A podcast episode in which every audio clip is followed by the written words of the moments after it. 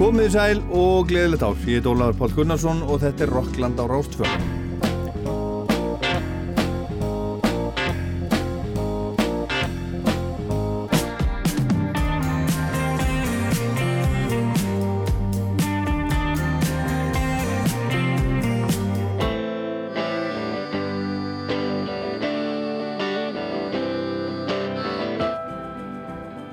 Árið er liðið, árið 2023 og aldrei það kemur tilbaka, það er jú alveg víst og ég ætla í þessum fyrsta þætti nýs ás að rifja upp nokkuð brot frá síðast ári, ekkert endilega brotaði besta, það er oft sagt, þetta eru bara einhver brot, það er smekksatriði hvað er best og svona en við heyrum hérna brot úr ímsum rocklandsþáttum frá 2023. Við heyrum í Nönnu úr Of Monsters and Men, hún gaf út fyrstu sólumplötunum sína í fyrra. Við heyrum í Emilinu Torrini, hún út plötu með, með uh, Colorist Orkestra. Við heyrum aðeins í, í Bubba bara frá 1982. Við heyrum Ísafjörd, þar eru Addi úr Solstöfum og Ragnar Solberg úr, úr Sign að Sæn. Við heyrum í hljómsveitinni Kvikindi sem að á Plötu Ásins, fekk velum fyrir Plötu Ásins á Íslensku tónlistavellunum í fyrra. Plata Ásins 2022. Egilur Kristjánsson, hann, hann held stóra tónleika. Við heyrum í Heiðrik frá Færiðum, hann gaf út Plötu með lögum Bjarkar. Við heyrum í Alónu frá Úgrænu sem starfar við það að kynna úkrænska tónlist við hittumst á Eurosonic Festival í fyrra við heyrum með þessi Sinead O'Connor sem að lesta á árinu heyrum í Elvis Costello sem að kom til Íslands og fleirum og byrjum á Jeff Beck sem einmitt lést í upphafi síðast árs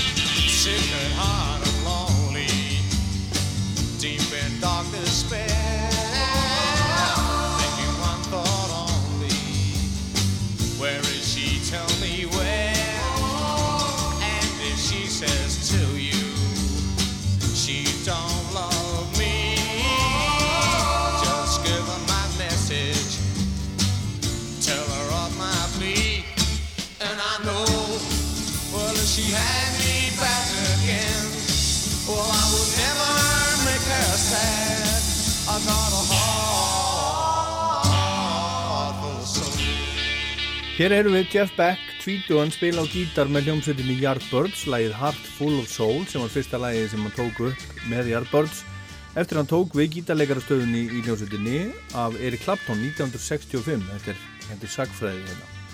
Clapton vildi bara spila hreinræktaðan blues, segir sagan, hætti hljómsveitinni sem vildi spila alls konar músík og aðlast vinseldir og slá í gegn. Jeff Beck kom inn í bandið fyrst sem bassarleikari og svo sem gítarleikari með Clapton en svo var hann aðalgítarleikarin í Yardbirds og með hann innan borðs var sveitin vinsalust en hann þótti erfiður í samstarfi ungur maður með stórt ego mætti gert af þeirra nátt að mæta og svona. Hann var ekki heilsurhaustur á þessum tíma sagði hann sjálfur. En hann var á endanum rekin og þá var Jimmy Page tekin inn í hljómsveitina og til varð hægt en öruglega hljómsveitin Led Zeppelin sem er annu saga. En þetta er lítill heimur þessi tónlistar heimur og sérstaklega Breitland á sjönda áratögnum En Jeff Beck, þessi ásæli og frábæri gítarleikari, eitt besti og mesti gítarleikari sögunar, hann fjall frá í fyrra 78 ára aldri. Hann lést eftir stutta baróttu við heila heimnubólgu 10. januar fyrir ári. Hann lendi í fymta sæti yfir 100 bestu rock gítarleikarana í útökt sem að Rolling Stone gerði fyrir nokkrum árum og hann sendi frá sér síðustu plötuna bara nokkur mánuðum áður en hann dó plata sem hann gerði með Johnny Depp vinni sínum, þeir kynntust fyrir nokkur árum auðvitað góðu vinnir og gerði þessa blödu saman sem að heitir 18 og þeir túruðu líka saman. Í hitti fyrir að spiluðu viða til dæmis í Royal Albert Hall í London. Skulum heyra hérna þess uppháslaga þessar blödu sem að heitir Midnight Walker og þar heyris hvað hann var ótrúlega flinkur og með sérstakann stíl, hann notaði aldrei gítanögl heldur notaði bara hendina, puttana á strengina og þá kemur þetta sérstakar sound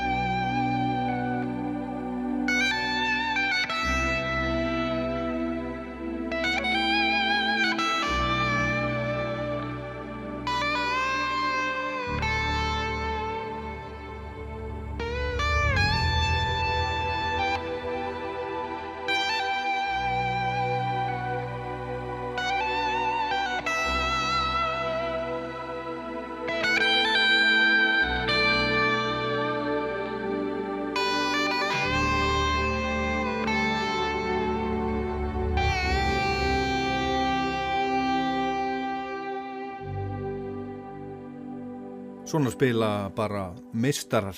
Þetta var meistari, Jeff Beck var meistari. Hann kom einsunni til Íslands helt tónleika í háskóla bíói Messoforti hitað upp en eftir Yardbirds stopnaði hann árið 1967 Jeff Beck Group ásand söngvaranum, Rod Stewart og Ronnie Wood sem að gegn síðan til þess við Rolling Stones. Jeff Beck var aktífur í músíkinni alla tíð spilað með ótrúlega mörgum hann gaf út 11 soloplötur og verið með á alveg ótæljandi öðrum plötum sem gestur og tónleikum og bara út um allt. Hann kom til greina oftar en einu sinni sem gítarleikari hjá Rolling Stones og síðast var það held ég þegar Mick Taylor hætti en þá reyðuður Ron Wood vinnans og meðlim úr Jeff Beck Group frábær gítarleikari, eitt virtasti skemmtilegasti og flottasti gítarleikari sögunar og áhrifamesti. Hann notaði aldrei gítarneglur eins og ég sagði á hann og ég spurði hann út í það þegar við spjöldluðum saman stöðlega í síma fyrir áratug þegar hann var á leiðin hinga til Íslands uh, I did all, all through my early days because mm -hmm. I thought that's how you had to do it mm -hmm. but then I listened to Chet Atkins and Merle Travis and fantastic country pickers and they all had a clear sound and I knew that they must be using finger picks um, and I couldn't use more than two picks, and I thought, no, this isn't for me. One will do. And then in the 70s, um, with Jan Hammer, I found it so frustrating that if you lo- lost your grip on a pick, that you would then have to resort to fingerstyle, and that happened so often that I mm-hmm. ended up playing better with, without a pick. kind of an accident. Yeah, but because, like a classical player, you don't use a pick you've got five fingers and six strings, you can make a lot more impressive sound with uh, with all the fingers in action rather than one piece of plastic. Um, John McLaughlin plays marvelously with a pick, and um, I couldn't even shake a stick at what he does. But mm. then, similarly, he couldn't probably do what I do, you know. So I, I use that as part of my style. Anyway.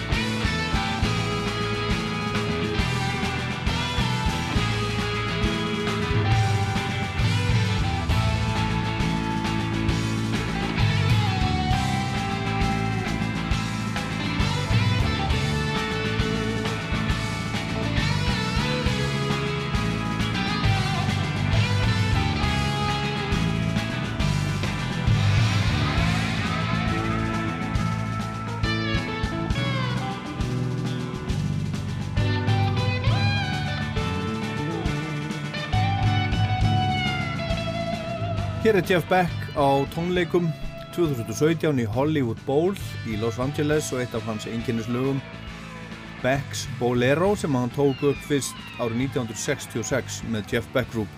En hann var hérna áðan að segja frá því í viðtælinu sem ég tók við hann árið 2013 að hann var alltaf að missa gítarnöglina á tónleikum í gamla daga og endanum ákvaðan að sleppinni bara alveg þegar hann átti að sjá því að það var hægt að gera alls konar luti að maður sleppti nöglinni 6 strengir og 5 puttar. Hann gafst líka upp á nöglum sem að mann setja upp á puttana eins og notaður í countryinu til dæmis. Það hendaði honum ekki og sumum henda betur nöðrum að nota hefðbundna gítanögl og hann myndist á jazz gítarleikarin John McLaughlin sem var í miklu uppáhaldi á Jeff. Og ég fjallaði ítalega um feril Jeffs Beck í Rocklandi þegar getur fundið þann þátt í spilarinn möðutað Þar má heyra meira af viðtælinu við hann, við rættum um Yardbirds og Rod Stewart og Rolling Stones og Led Zeppelin, um gildið þess að æfa sig og margt margt fleira. Skulum heyra hérna örlíti brot af Over the Rainbow úr galdrakallanum í Órs sem hann spilaði á sinn einstaka hátt. Hann spilaði allt á einstaka nátt, hann var magnaður gítarleikari.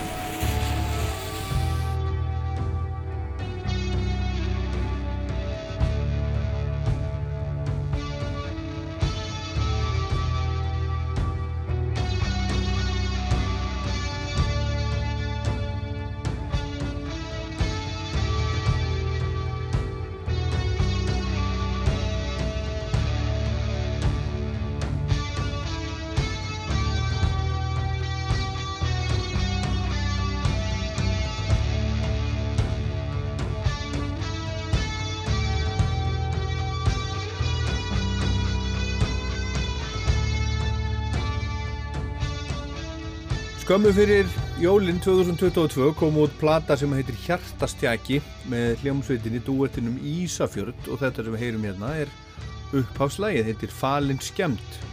Ísafjörð skipa þeir Ragnar Solberg sem er hvað þekktastur úr rocksveitunum Sign og Pain of Salvation og svo Adalbjörn Tryggvason úr Solstöfum, allt úr Solstöfum. Og í fréttatilkynningu sem að þeir sendu frá sér þegar plata kom út segir Óhættir að segja að Ísafjörður hafi veitt þeim félögum innblástur því tónlistin er eins og upplifa djúpið með eironum, ljúf og segðandi en um leið, hrjóstrug og myrk. Yrkisefnið er einlægt og tilfinningaþrungið og myndar ólíkur söngur þeirra begja anstæðu kenda heild sem hæfir þessum óð til landslagsins sérstaklega vel. Félagarnir hafa margar fjöruna sopið í tónlistarlífinu hvori sínu lægi en það eru ræturna sem að leiða þá saman í þessu nýja verkefni Ísafjörð, feður þeirra begja ólust upp á Ísafjörði og því er tengingin þángað sterk. Og Addi er hingað komin til okkar en Ragnar er annar staðar velkomin og til hamingjum með þessa blötu. Já, takk hjálpa fyrir það. Það er mikil, mikil janúar í þessari blötu mér finnst hún passa mjög vel hérna við, við í, í þessu inn í janúar, myrkrið og snjóin og, og allt þetta það er mjög uh, áhugavert að þú skulle segja það vegna þess að platan er samin 2019 í janúar. Já, er það? Ég, uh, við Ragnar hittumst við hittum heist einu sinna á Ísafjörði saman, mm -hmm. báður það með fjölskyldum okkar. Sumarið 2018 og við spiliðum saman á tónlengum í Tjörhúsinu Já. sem var algjör tilvílun eiginlega að það gerði það. En þá einhvern veginn ákvaðuðu eigum við sem er tónlist saman og ég var komin til Ragnars uh, í Noregi, hann býr í uh, bæ sem heitir uh, Sun, Sun við Moss já, já. fyrir Drásló ég var þar í januar 2019 mætti bara og það var 20 steg frost og snóskablar upp á njám og svona fjórum millimetrar ís á rúðunni á hverjum degi bílum. Eða bara klassíst og þar sömdu þess að blötu eitt lág dag í sjö daga. Já, og síðan kemur COVID batnegnir það var engin að býða, hún var bara på hillu. Já. og síðan kemur hún út núna og veist, nú erum við fjórum árum síðar í janúar að tala um þess að plötu þetta er bara, þetta er bara eld, eld, eld gammal stótt þetta er eld gammal stótt en, en býtu, þið voru að spila á, á Tjöruhúsinu í Ísafjörði þeim frábæra stað, besta veitingastað í Evrópu. Hérna e, þið voru ekki að spila saman þar þið voru bara með svona sikvart prógrami Já, ég Ragnar höfum aðeins verið að hittast sko, þekktust sko, bara úr Reykjavík frá, þú veist kringum 2000 og Grand Rock ár og hann var í Sign Solstafur mm -hmm. að byrja að vera liveband sem höfðu svolítið verið að hittast í Keflavík og hittumst í Transilvani í okkur festivali. Ragnar var að spila með Pain of Salvation og ég var að spila með Solstafum við svona djókum um að við hefum hist alls konar stöðum en aldrei á Ísafjörði og svo varu voru Ragnar að fara vestur með fjölskyldinu sinni sumar 2019 og ég líka Þannig við svona ákveðum að mæla okkur mót á Ísafjörði og Ragnar sagðist á að herru ég er búin að bóka mig á tónleika því Ragnar hefur gert svona, taka Young og grafík og sínlög Já.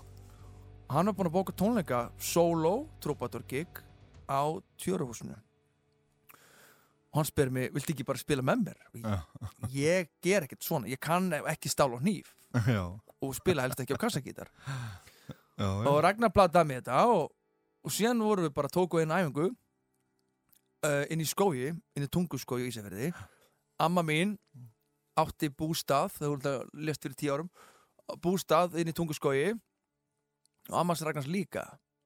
Þannig að ég lappaði bara úr mínu sumbústað fyrir Ragnars sem báður ömmu okkar áttu sko. Uh -huh. og hérna tókum hljónstaræfingu inn í skói og æðum upp klukkutíma sett. Við tókum held ég eitt, tvö grafíklög, tvö nýljóng og Turn the Page og Fjöru og eitthvað sem uh, Ragnarslög og spiluðu saman í klukkutíma já, já, já. og eftir þetta þá eiginlega ákvaða við að sé með tónlist En, en akkur, akkur heitir hún Hjartastjaki? Hvað er það? Já, það var Ragnar var búin að þegar ég mætti Norex þá var Ragnar búin að fá að gefa eins og eitthvað gammalt píjánu og það var svona Ná það er gamalt, það hefur grann verið sko áður en það var uh, rafmagn í húsum. Þannig að það var svona kertastakar fastir. Já. kertastakar fastir á uh, píanónu svo fólk að spilaði í myrkri jú, jú.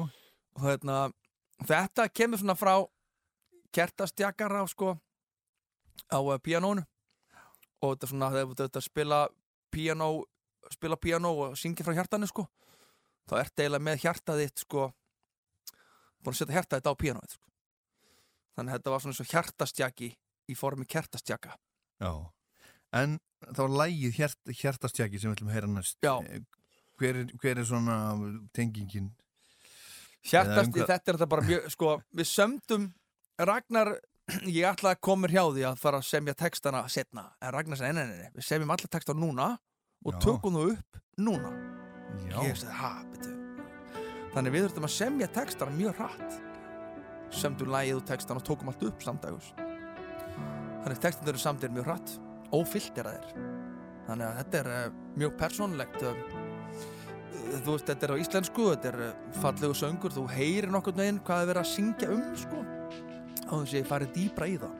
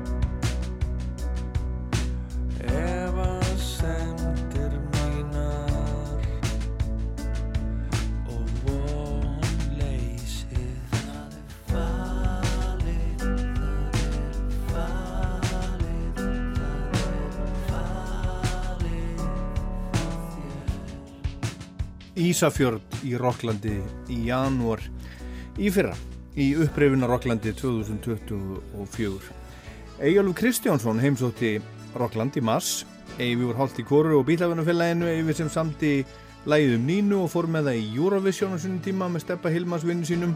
Eyvi á fullt af lögum sem við þekkjum öll og Eyvi fylgti háskóla bíó á árinu þegar hann hjælt ammalis og yfirlits tónleika í tilefni af 60 sammælinu sínu sem að var enda löngu búið En við rættum heima og geima framtíð og fortíð. Þar sem fjarlæðin gerir fjöllin blá Ég finn þig ástinn mín. Bak við lokaðar dyr með lás og slá Og læðist inn til þín. Ég er ævintýra prinsinn Getur álögum þig leist Þú veist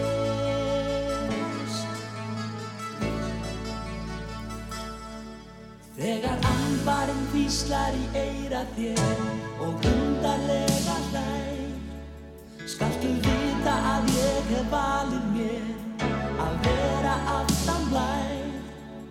Og ég læt í veðri vaka að ég virð og elski þig aðeins þig.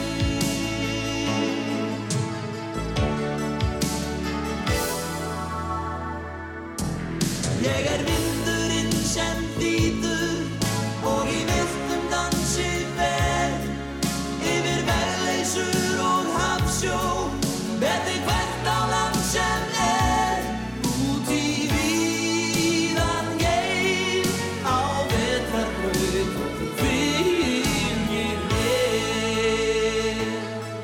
Þetta er nú fellega uh, fínt lagæfi, en rosalega er þetta mikið 80s. Já, já, þetta, Ha. já, já, þetta er mi- mikið eitismenn. Það er alveg bara, það er allir, það eru, hvað er þetta, Linn? Já? Nei, þetta er endar ekki trommuheili. Er það ekki? Nei, þetta er, þetta er, þetta er spilað trommur, sko. Hver er að tromma? Þetta er uh, Gulli Brím. Já, ok.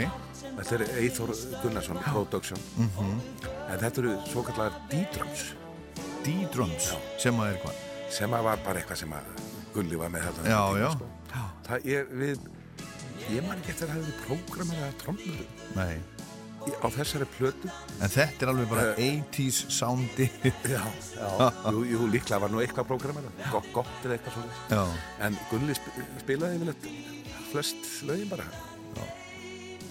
Akkurat. Nú Þetta er, já, þetta er rosa mikið 80 sound, David Foster og svo leiði sko Ég var að, ég er búin að vera að hlusta aðeins á, á hérna, YouTube-plötuna sem er núna, situr akkurat í fyrsta sæti á vinsættarlistanum í Brellandi og bara með selta platan í heiminum í dag. Já. Er búin að hlusta á það? Nei, Hérna 40 lög, gömul lög sem eru er, er búin að taka einmitt já, breytingum allt, alla pródusjónuna af. Það er bara búin að skræla lögin, það er bara eftir lag og texti. Já, svo leiðis, já Ég mælu með því Já. og það er margt þetta, ótrúlega gott og, og, og, það, sko, það er náttúrulega það sem er að gera þeir eru að, þeir eru að sína sko að lægið lifir þeir eru búið að taka allt, allt af því. Já. og, ein, og eins og með þetta lag, þetta Já. lag bara lifir. Já, þetta lag er til dæmis til í, í hérna, svona live útgáðu sem er svona tiltölulega ný. Já. og þar er það svolítið öðruvísi. Það er Aha. ekki svona 80s feelingur Nei, nei, ég veit það, sko. lægið lifir. En, en umbúðunar þær, þær kannski mega missa sín stundum. Það eru bara bara síns tíma Já, akkurat. Herðu, svo, svo varstu í hérna svo varstu í hálft í kóru það Hvernig hérna- eh, það var svona- það? var og Bergþóra já, við, við yngi fórum þetta saman á, á svona vísnakvöld.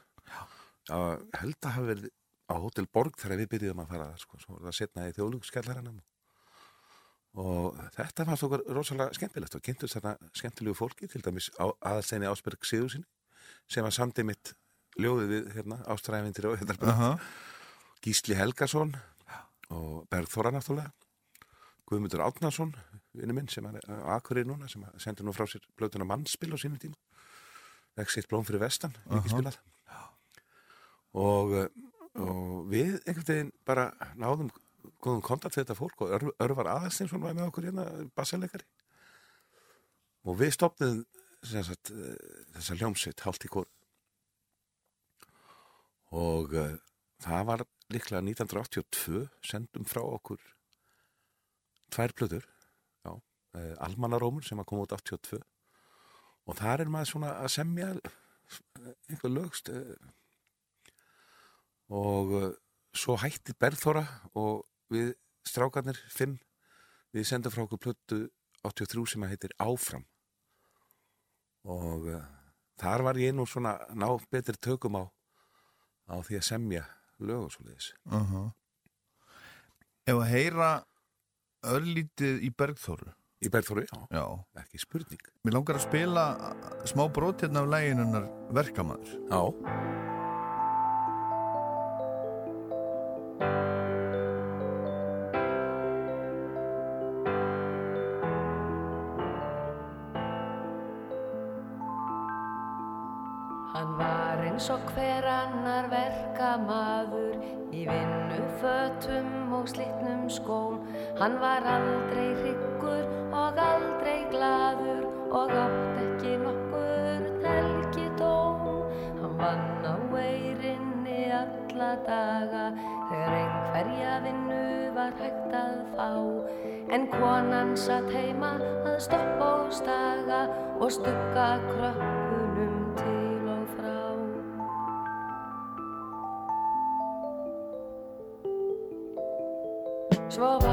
Það eitt sinn þann óra tíma að enga vinnu var hægt að fá. Hver dagur var harðsótt og hatrömm glíma við þungur vofuna til og frá. Já, þetta er Rockland og nú skiptum við gýr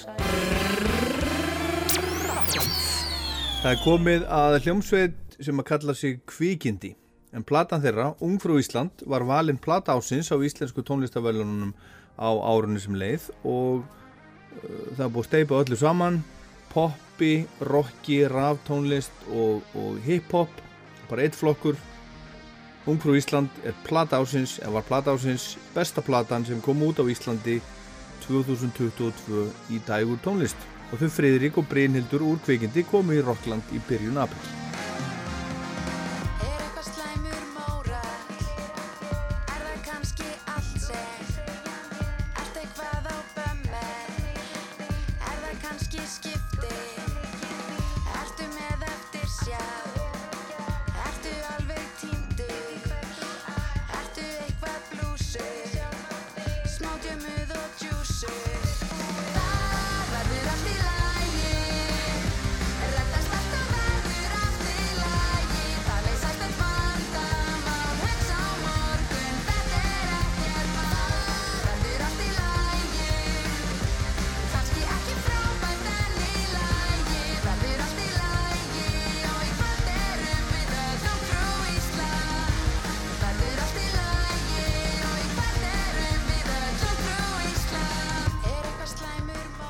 Byrjar hún uh, platan með hljómsveitinni Kvikindi, Ungfrú, Ungfrú Ísland. Þetta er, þetta er titilægið og, og uh, Kvikindið er komið hingað. Friðrik og, og uh, Brynhildur verðið velkomin. Takk. Til hamingju með, með hérna, velunin Takk Já, takk fyrir. plata, plata ásins Já. á íslensk, íslensku tónlistavelunum Það er stórt. Og, og hvað, ég menna, þú veist ég hugsa bara allir í tíman 1999, Sigur Rós ágætti spyrjun og núna, og núna kvikindi Ungur Ísland ok. Hvernig, hvernig er, orð. er að fá svona svo, svo, svona velun, ég menna þetta er bara þú veist, besta platan sem kom út á Íslandi í fyrra samkvæmt. Þessu? Já Vil uh, þú svara? Mér finnst það bara frábært, bara ótrúlegt. Sko, ég, já, eins og ég sagði nú hann í þakkræðin, bara bjóst alls ekki við þessu Mhm. og, Ekki að við höfum ekki trú á okkur, okkur finnst þetta geggjuð Já, plata. klálega, ég meina ég- og við erum mjög stolt og svona, já, en, algjörlega. en einhvern veginn vorum við já, bara líka í þessum svakalega einhvern veginn flokki með algjörum kempum þú veist, þannig að við vorum einhvern veginn svona, já, ok, þú veist, það er bara gæt mikil heiður að vera tilnæmdur og vera í þessum flokki og svo vorum við alveg mjög, mjög Já, mér fannst það einmitt að fá tilnefninguna það var svona meira svona, ég var bara eitthvað bara svona, þú veist það var kannski ekki alveg jafn mikið sjokk Mhm. eða svona, ég hafði mikla trú á svo plötu og ég var bara svona, já, ok, og bara þegar ég fengið tilnefninguna þá var ég bara, oh, yes, geggjað, Já, bara, já, þetta, þetta er gott bara, Mhm. þetta er það sem ég vildi. og þess vegna, já, þess vegna segi ég bjóst alls ekki að vinna, ég bara svona, var ekki neginn búin að, að sætta með þessa tilnefningu bara, Mhm. mér fannst það vera bara það besta, sko Mhm. Já. en lítið vissi ég Já, já, en þú, þú, þú Fredrik, þú er, þetta er nú ekki fyrst tónlistavælinu sem að þú, þú færð Þú hefur verið að Eh, gera Já, alls konar ég- annað Þú fengið grímuna Ég fengi grímuna Já. og var tilnæmdur líka fyrir óperuna mína til íslensku tónlistafælina Mhm. og svo Já, fyrir reyndar óperuna þína. Já, ekki til sorglegur manneskja en það hérna, var ópera sem að ég og, og Adolf Smári gerum árið 2020 það var algjör, algjör stemming sko og hérna Það var náttúrulega reyndar ekki eins gaman, þú veist, ég þá var hérna 2001 var hátíðin ekki beint haldin, sko. Það var bara svona, Mm. það var mætt í stúdíu og það var lesið tilefningarnar og svo verðinu hafinn og svo var bara næsta hol, sko. Já. Mm. En, eh, en það var mjög gaman. Svo líka náttúrulega í ár, sko, það, ég var eiginlega ekstra því að hann Jónas Áskir, harmonikuleikari, hann spilaði eftir mig verka á tónlistar hátíðinni í ár sett, og, og vann líka bestu plötu ver og verk sem ég á sem er á þeirri plötu. Þannig ég var svona, fast ég svona gott. eiga, eiga smá í því líka, sko, þó að... Ég segi bara, wow!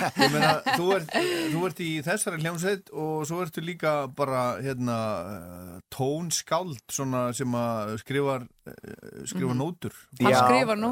Óperur og harmo, harmoníkuverk. Já, Mhm. einmitt. Hver, hver, er, hver, hver er maðurinn? Hva, hva, Já, kemur þú? Sko, þú veist, ég held, eða svona, ég bara æði alltaf á píano ef ég var yngri, ég var samt ekkert eitthvað mikið í klassík og veist, það er ekkert eitthvað, hérna, fjölskylda mín er ekkert eitthvað mikið inn í tónlist eða þannig, en ég bara, eitthvað, var alltaf á píano og svo bara allt í nefnir mentaskóla, þú veist, þá var ég svona algjör rockari, sko, var bara eitthvað að hlusta á, hérna, Muse og Smashing Pumpkins og eitthvað, og svo bara fór ég að fá meiri áhuga á klassík og endaði að fara í tónsmjar í listaháskólanum.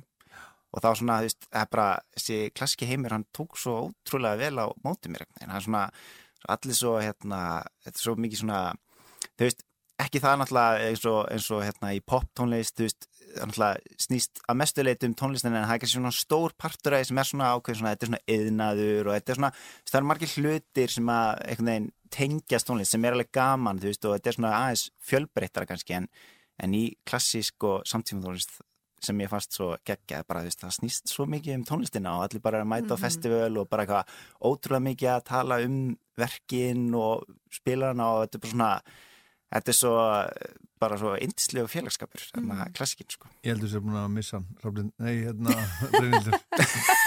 Ég hef búin að missa hann Aldrei Ég, hérna, ég held að, að það verði ekkit meira kvikindi heldur, heldur að þessi plata og svo bara er hann farin, farin í klassikin alveg. Ó, ég vona ekki Ha, Nei, nei, Ég ég- meina hann bara lokar á augunum þegar hann sé frá. Ég veit það, þetta er svo Ég var alveg svona dálit Já. með þessa frásögn Ég var bara, vá, þetta er svo fallegt Já, Herðu, heyrum annar lag, heyrum efst á Messenger. Mhm. Segðu mér aðeins frá því. Herði, já, þetta lag er hérna um, Hvað getur við sagt uh, um svona erfiða ást kannski mm. og hérna og þetta er svona eitt af þeim lögum sem að var pínur svona erfitt að semja eða þannig, þú veist, það var svona sumlög bara koma og sumlög eru pínu meiri hausverkur og þetta var svona lag sem vorum að koma aftur og aftur að og þú veist ég skrifaði hérna fyrsta textabrótið, það var eiginlega svona byrjunin, var það ekki? Lúpan Ef að ég vil þig ekki Já, já, einmitt, einmitt. Ef að þú vilt mig loksins þegar ég vil þig. Ef að við viljum hvort annað til samneitis Ef að við höfnum hvort öðru svo samtímis. Og þetta var svona kannski þráðurinn í gegnum í gegnum lægið og svo voru alls konar obstacles á, á þessu ferðarlægi en hérna endaði sem þetta eindislega ferðarlægi þar sem við tölum um um vitnum í hérna uh, fást og, og plöntufræði og alls konar. Skemmtilegt. Já, þetta er mjög, mjög fjölbreytt. Textin er mjög það er mörg að taka í textanum sko. Mhm. Nei, mér finnst þetta, ég var einmitt að hlusta bara fyrir mjög stuð, bara í síðustu viku á hérna eitthvað svona demo, það sem bara versin eru bara veginn allt öru í sig og bara allt öru í lælinu og eitthvað og við vorum alltaf bara eitthvað, þetta er ekki að ganga. En svo bara veginn komið þetta eftir rosa langa tíma. Mhm. Það verður ég gefu tíu ára ammælisútgáfu Já, þá verður hérna. Box set. Box set með öllum örgulega, já, það er náttúrulega til bara endalust Já, eins og örgulega svo margir eiga, þú veist, bara alls konar útgáfur og, og maður er einhvern veginn að reyna Guðanabænu passið upp á þetta bara Já, já, nákvæmlega þú að gera það? Já, já, þetta er allt til einhverstaðar og líka lögin sem komumst ekki á plötuna sem Já, eru já, já. mjög skemmtilega en eru kannski ekki alveg svona pössuðu bara ekki inn í eitthvað þemað sko. Mhm,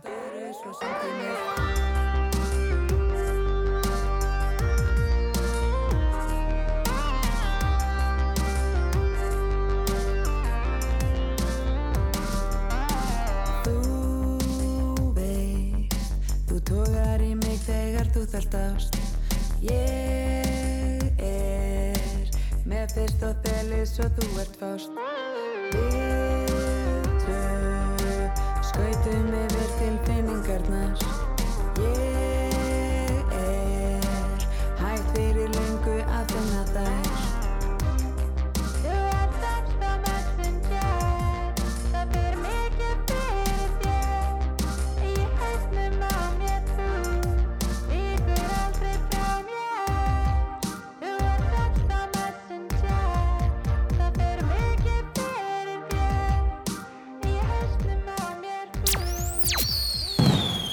Heiðrik heitir tónlistamaður og myndlistamaður frá Færegjum sem að bjói nokkur ára á Íslandi fyrir nokkrum árum. Hann gekk í Listaháskóla Íslands, hefur gefið út plötur, hefur spilað á heimaháttíðin í Hafnafyrði. Hann spilaði á Æsland Ervefs 2022 með færisku glam country hljómsveitinni sinni sem að heitir Cowboy Keggs og í fyrra sendi Heiðrik frá sér skemmtilega plötu sem heitir Heiðrik Sings The Björk Songbook og Heiðrik spjallaði við Rockland frá Færegjum. One breath away from Mother Oceana, your nimble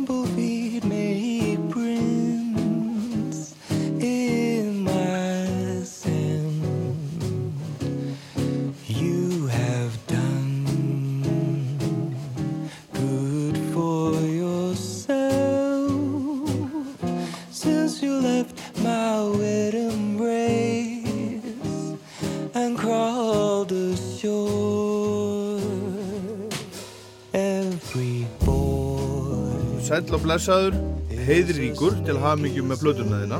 Eh, Takk fyrir það, já. Hvar, hvar er þetta statur núna? Ég er í Tórsöfn, ég var um, með tónleika í síðastu viku með þessu nýju pláttu og, og þannig er ég hérna. Já, en byrju, en hvar, hvar býrðu þú? Ég er svona millum Tórsöfn og Köpen. Þú varst þess að spila uh, sagt, Björk í, í Þórsöfn. Já, hún heitir Blábar, jazz, uh, jazzbarinn í Tórsöfn. Já, ok. Já, Mhm. já, er jazzbar í Þórsöfn. Já, jazzbar í Tórsöfn, þetta er Blábar og það er bara að spila jazz. En sko, af hverju ákvaðstu að gera þessa plötu? Jú, um, Björk var svona hekja mín þá ég var allast upp hér í Færjum og, og Færja var þannig svona frekar það var svona erfitt að uppvaksa starf fyrir, fyrir samkynnaðan einstaklingan á e, svona í 90 árunum og samfélag var svolítið svona íhalsamt e, þannig kom, var, þannig kom ég tónlist Bjarkar og mér mikil huggun vita að hún var kom frá svipaðum landi og svipa menning og tungumáli svo þennan platan er eins og það er þakkarbrið til Bjarkar fyrir að vera til staðar í tónlistinu fyrir einn svona litlan homastrák í ferju Já, Já og, ok, hérna, hve- hvenær, hvenær ertu fættur? e, 98-3 1983, já. Já, ég man eftir, sko, ég þekki nú ekki þessi mál mjög vel, ég man bara eftir þegar þið voru að byrja með, með hérna, gay pride göngu og svona, það var ekki alveg, Mhm. það gekk ekki alveg hljóðalöst fyrir sig og, og, og voru svona einhver mótmæli og, en hvernig er, er staðan varðandi þessi mál í dag? Þetta er svo mikla örfisi, þetta er annað land sko, þetta er, þetta er bara svo mikið breyttst í svona tíu ár, þetta er bara svona, við erum svona ógeðslega stóra eh, gay pride núna og fólk er bara, unga fólk er svo ógeðslega mikið opið, en þú veist, það er bara, þú veist, ég er fyrsta svona hliði um, sem er upp, þú veist, alveg upp er sjónvarpi og og du veist, flugveli og allt, du veist, svo mamma og pappi mín og ég, þetta er svona different world, skildu svo og svona unga fólk í dag er eins og öll í heiminum. En du veist, þetta gamla Já. fólk er- þetta er kannski örvísi og kannski svona mikla árum svona dinosaur age svo það er svona svolítið fyndið samfélag Já, já, ég menna þetta er örglega, örglega eins, ég menna og, og stundum, stundum tekur bara svolítið tíma að, að breyta hlutunum og, og fá fólk til að sjá hlutina frá öðru sjónarhóttni og, og, Mhm. og svona allavega en, það, en, það, en hvað, hvað hefur haft mest áhrif til dæmis á, á þessi máli í færi? Hvað gerði gæfu munin? Um, ég finnst að það var internet og sjónvarpa þetta. Þú veist að fólk bara þú veist, að tengjast til allan heiminn. Um, og þú veist við komum samband við heiminn. Og, og fólk verið að tala gefn netið með annað fólk sem var eins og þeir. Og, og þú veist heiminn meira stór. Og, Mhm. og árin var svona fólk var meira svona isolated skildu. Svo það var mikil örvísi og þetta Já. finnst ég var, var munurinn Skulum heyra bara, byrja að heyra Oceania, fyrsta lægja plutinni af hverju, eða hvað getur þú sagt okkur um, um, um það, okkur valdur þetta lag? Um, af því ég var alltaf, ég er alltaf að heyra í, þú veist, í Björk að, að, að hún er svona mjög svona inspo á, á uh, jazzi og ég finnst þetta lag bara ógeðslega mikið jazz og, um, og, og þannig að ég heyri þetta lag, ég var bara svona, ok, ég fara að gera þetta. Og enginn heyri af því, veist, produksjónin er svo skrítin og, og, og örvísi, svo var ég bara að breyta það til svona öðruvísi til jazz. Og svo fólk bara ah, hear what you're saying. So því, já. One breath away from Mother Oceana, your nimble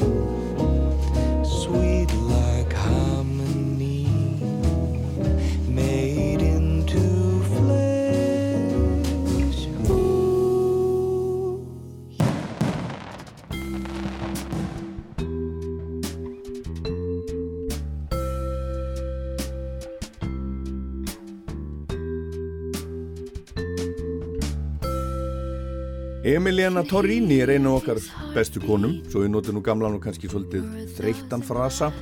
Hún sló í gegn Kornung með fyrstu plötunu sinni, Crucidulla, sem kom út 1995 og hefur að geima hinn og þessi lög eftir hinn og þessa, Van Morrison, Memphis Minnie og John Barry til dæmis, Jón Ólafsson gerði með henni þessa plötu og Emiliana sló í gegn á Íslandi heldur betur með þessari plötu.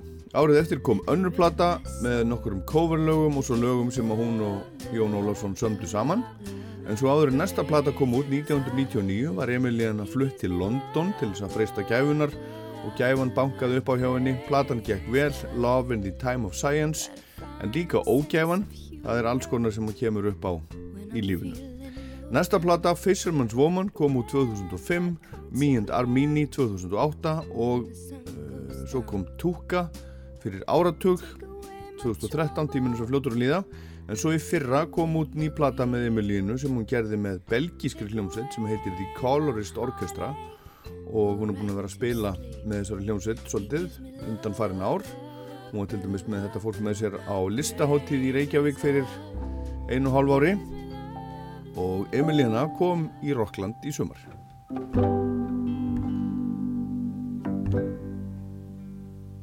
like a rose in a fire, and you watch it burn. There's a lot to admire in the cold, in the breeze. When the winter takes its toll, you are there, my mind is quiet, and you. and you and here we go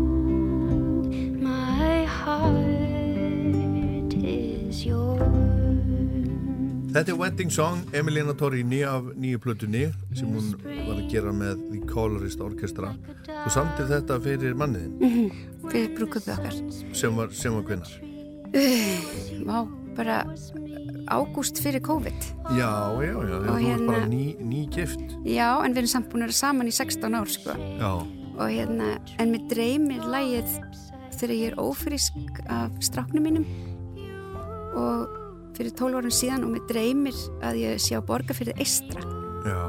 Og hérna og við erum þar og svo fylgta fólki og ég sé stráki minn og hann var bara alveg eins og hann er. Það? tveggjáraði eitthvað, já, hann er lítill. Og hérna og við stöndum og við erum í álfheimum einhverjum, mér dreymir nú aldrei eitthvað svolinæs og hérna, og ég er að syngja fyrir okkur. Og það koma svona ljó, og sólinn skín svona eins og hún sé að koma í gegnum fullt af trjám svo sé bara rosalega skóur en það er engin trí en sólinn er að stinga sér í gegnum greinarnar eins og maður sér í skóunum svona. Og hérna og ég einhvern veginn samdi fyrsta versið og svo ákveði ég ætla ekki að klára uh, fyrir en að einn daginn ef við myndum gifta okkur þá ætla ég að klára textan og ég gerði textan svona deginum áður við giftum okkur. Já, Já. ertu kvöldrótt? Mm, það eru allir kvöldrústir held ég. Það er bara svona stundum. Já, ok. Af hverju, af hverju ákvaðuð að gifta ykkur þarna? En ekki fyrir fimm árum eða sjö árum eða tíu árum? við söknuðum allra úti rosa mikið og við þurftum einhvern veginn, þetta var einhvern veginn giftingin okkar en þetta var líka einhvern veginn að gifta þessa fjölskyldu sem eru vinir manns og uh, fjölskylda og fjölskyldur aðrar og þetta var svolítið svona að maður setur allt svo mikið í steipu, brúkupið er þannig að hérna allir vinir sem hafa aldrei hist, hittast Já. Og, og þessi yfirsýn í rauninni yfir heiminn sem maður er búin að búa til er mögnuð. Og þess vegna er þetta svo brjálaður dagur þú veist. Ég held alltaf að þetta verði bara eitthvað svona partí en svo bara var þetta bara skemmtlasti dagur sem ég upplifað. Já. langar svo að ég bara eiga hann hverju ári. Já. Þetta hljómar mjög fallega. Stundum, stundum finnst mér svona brúðkvæðsveitlur vera bara eitthvað svona gengur allt út á að eitthvað uh, hvað að segja svona mikið umbúðum Mhm. og einhverju svona, það verður að vera svona það verður að vera, þú veist, mertar servjettur og, Mhm. og hérna verður að vera svona, svona, svona og svona, og svona. Ég var alveg þannig. Þú varst þannig? Já, já, já. Segðu, segðu mér það svo. Sko, við bæði vildum bara hafa þetta eins og lítið festival og við fundum mann út í sveit sem átti risar land og hann var svona bjóð til einhverja skúlptúra og hann var bara búin Hér á Íslandi? Nei, úti í Já, Björlandi. þið giftu ykkur þar? Já, Já, rétt hjá já. Brighton á, Gay Pride og Kylie Minogue var singing down the road Já, hefði ég ok. vitað það þá hefði ég fengið hana í brúkum og hérna það var hérna sem sagt bara svona land og hann var með svona eldgamla karavana út um allt og hérna búin að byggja einhverja svona einhver lítil hús og þarna var eitthvað vatn og þetta var algjört hippa Já, dæmi, já. ótrúlega fyndið og skemmtilegt. Já. þannig að við setjum upp bara svona indvesk tjöld þarna og í rauninni gerum bara festival. Og hérna og hljómsveitinina spiliðu og við vorum þannig að giftum okkur úti og við vorum með svona af því að við gátum, vorum ekki með hérna hvað heitir það uh, brúðarvalsinn. Þannig að allir í partíinu þurftu að spila. Já, já, bíflugur og þetta var bara svona sjúklega fyndið og skemmtilegt. Já, og svo var bara allir sem ég þekkti sem að gera tónlist, spiliðu tónlist. Já, og, og þetta var bara, já, og þetta bara voru þarna tveir dagar. Tveir dagar Já, fólk bara gat komið að Vá, Þetta er bara svona, og- og, svona miðaldabrúkup Já, ekki alveg, þetta var meira svona bara eins og pínu lítið Glastonbury. Já, ég sé þetta, sé þetta alveg, alveg fyrir mér. En talandi um borgarfjörðu eistra, þú varst aðeins að, aðeins að ræða. Þú Mhm. ert náttúrulega, þú ert náttúrulega sem að, sem að kveikti neistan að bræðslunni sem er ennþá, ennþá sprellifandi. Já, ég kveikti ekki neistan, það var sko hérna heiðar Nú var það þannig? Áskelsson, já hann sko Hafði hann, hann hafði samband við mig og þetta er svona uh, hérna bara dásamlegt fólk Já. og hérna hann er mikill vinnu minn og hann bað mig um að koma. Og þegar ég segi sem sagt já þá fór að tæma úr bræðslunni og þarna voru ennþá bátar inni og, og svo fórum við að vinna saman að, að var mikið passion hjá okkur að því að á þeim tíma voru bara svona sveitaböll og það voru aldrei tónleikar. Þetta hefur breytt bara rosalega miklu og Já. ég meina, þú veist, svei, sveitafélagi hefur bara vaksið út af þessu. Já, og, og hljómsveitin svona eins og ég sem voru, út, þú veist, voru alltaf úti og búin að gera eitthvað úti, fór aldrei í kringum landið.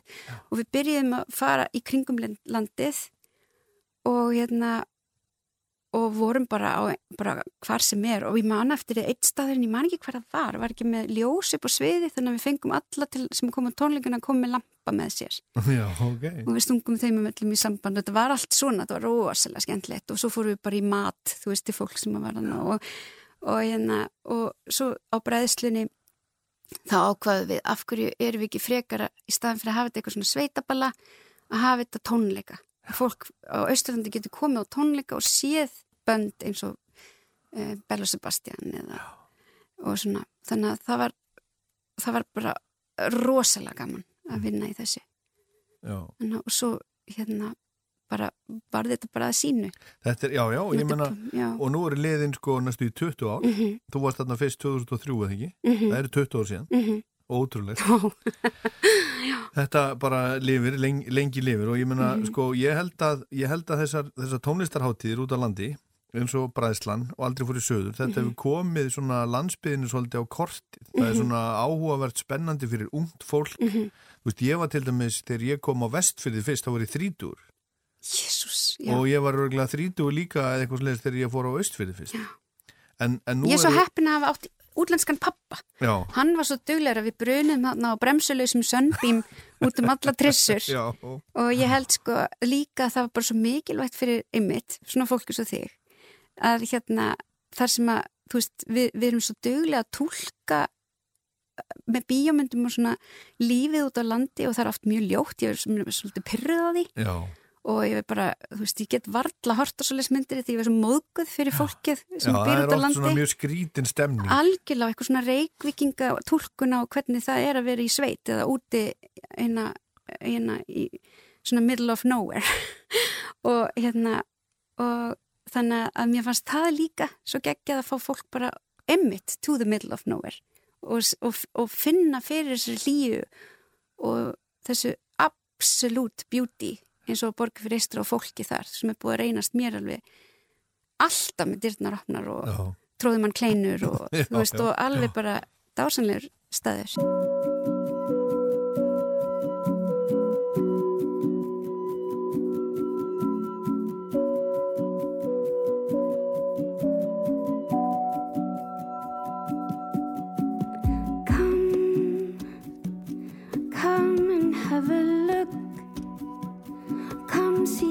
The sun turns and flickers in the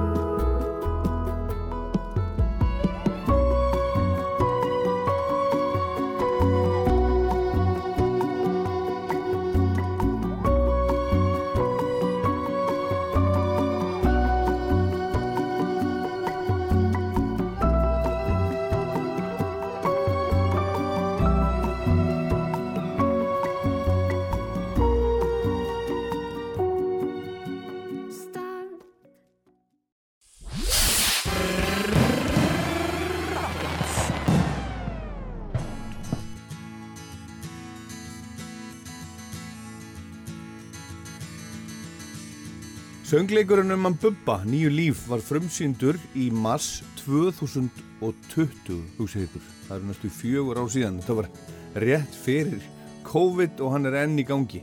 Pælið þessu. Ég var á frumsýningunni og fannst þetta alveg geggjað. Besta leiksýning sem ég hef séð, hugsaði ég þá. Eftir þrjá sýningar kom COVID og svo var COVID og eftir COVID var aftur byrjað að sína nýju líf. Nú eru sýningarnar orðnar 229 sem er met, Íslands met, Bubbi er maður margra meta og hann er mikill keppnismadur, hún leiðist ekki að setja met, en hverjum leiðist það svo sem. 229 sýningar, 550 sæti í leikursinu og regniði nú. Bubbi er einstakur, það er enginn eins og Bubbi. Hann kemur sífælt og óvart, hann skiptir oft um skoðun, sömur segja hann sé tækifæri sinni, en einhvern veginn er hann alltaf að meina það sem hann segir þegar hann segir það, en svo bara gerist eitthvað og þá skiptir hann kannski um skoðun. En er það kannski bara heilbrygt að skipta einmitt um skoðun? Er kannski eitthvað gali við að vera alltaf á sömu skoðun? Þegar nýjar upplýsingar liggja kannski eh, fyrir. Það komið vel inn á þetta í leikritinu, það eru margir bubbar í nýju líf eins og þið vitið eflust flest, ég held að séu flest búin að sjá þetta. En við skulum kíkja aðeins á bubba, fara langt aftur í tíman og rifjum upp viðtal sem ég rifjaði upp á árunnu sem leið. Til að heyra brotur viðtali við bubba á rútarpinu frá, uh, já, Rás 1. Hún hétt ekki Rás 1, hún hétt bara útarpið. Þegar bubbi á 26 ára, 1982, rétt eftir að hann var rekin úr utangarsmönnum, eða hætti utangarsmönnum. Þetta er frá því fyrir tíma Rása 2, sem var 40 ára núna 1. desember. Og eftir þetta stuttaviðtal þá heyrum við upptöku með utangarsmönnum úr sænska ríkisútarfinu frá árinu 1981. Og umfjöllunarefni það á jafnvel við í dag eins og fyrir 40 árum. Andstaðan gegn kjarnorku viðbúnaðinum tekur einnig á sig ýmsar myndir. Menn sapnast saman á torgum úti, gefnar eru bækur og blöð og gerðar eru kvikmyndir og síðast en ekki síst eru lög og ljóð samin. Allt undir kröfunni um frið og afvopnun. Hér á Íslandi má segja að mest hafi borið á laga og textagerð. Áspjörn Kristinsson er einn af þeim mönnum sem hafa látið þessi mál til sín taka, en hann starfaði sem kunnugt er með hljómsveitinni utangarðsmenn. Hvað fær Ásbjörn til að syngja um kjarnorkuna en ekki ástir og ævintýri eins og svo oft er gert? Ásbjörn Kristinsson. Já, ástæðan fyrir því að ég fór út í það að semja texta og lög í sambandi við kjarnorku streialdir og viðbúnaða kapplöp og annað slíkt. Má kannski segja að hafi byrjað, þetta hafi byrjað jætil að mótast í huga mér sem smákrakki vegna þess sem badd sá ég myndir frá Hiroshima eftir kjarnorku árásina og svo mynd hefur aldrei liðið mér á minni. Nó, ég gerir mig grein fyrir því að Ísland er mikilvægur hlekkur í viðbúna kapplöfinu hvort sem menn brosa framann í alþjóð og segja að sé ekki kjarnorku vótt hérna þá vil ég frekar meina að það séu og meðan að svo er og meðan ég veit að það ríki sem er í dag að auka framreyslu sína með gjóraðingavopnum æg og meir þá skulum við heldur ekki gleyma því að þá hlýtur þetta snert okkur nú ég get ekki hugsað mér að sitja aðgerralaus og vita þessum hlutum. Orðin elska og friður þetta eru sennilega með fallir orðum í mál okkar. En oftast nær eru þetta bara tómorð töluð.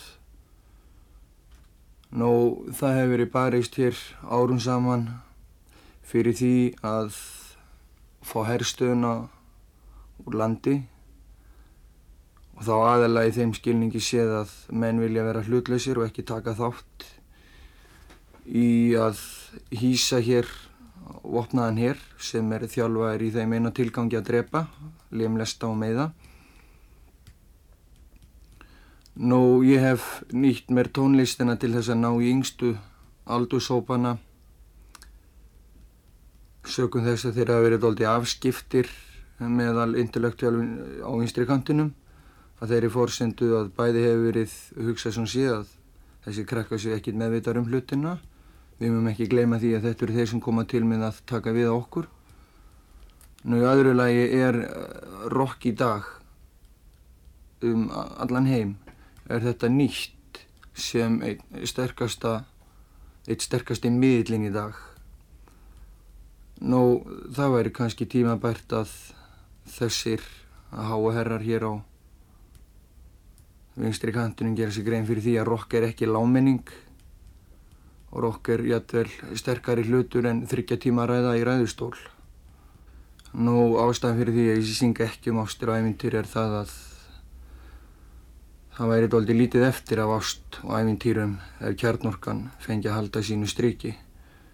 Við lifum á kjarnorku öld og við gerum okkur grein fyrir því að jætvel krakka hópurnir á hlemmi svara þér þeim orðum þegar þú spurð, spurð þau um uh, þeirra lífsfílosófíu. Það er ekkert að lifa fyrir, við getum verið dauð á morgun. Við sitjum og búum á kjarnorkusprengju og ég held að þetta lýsi bara ástandinu helviti vel.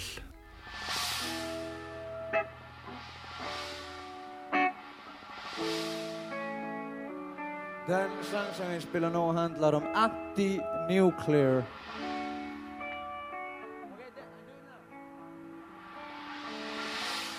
Heill þér fadir alheimsins, segð þú mér vorum við ekki fætt þér til dýrðar eða sáu forfiðu mínir ekki að sér.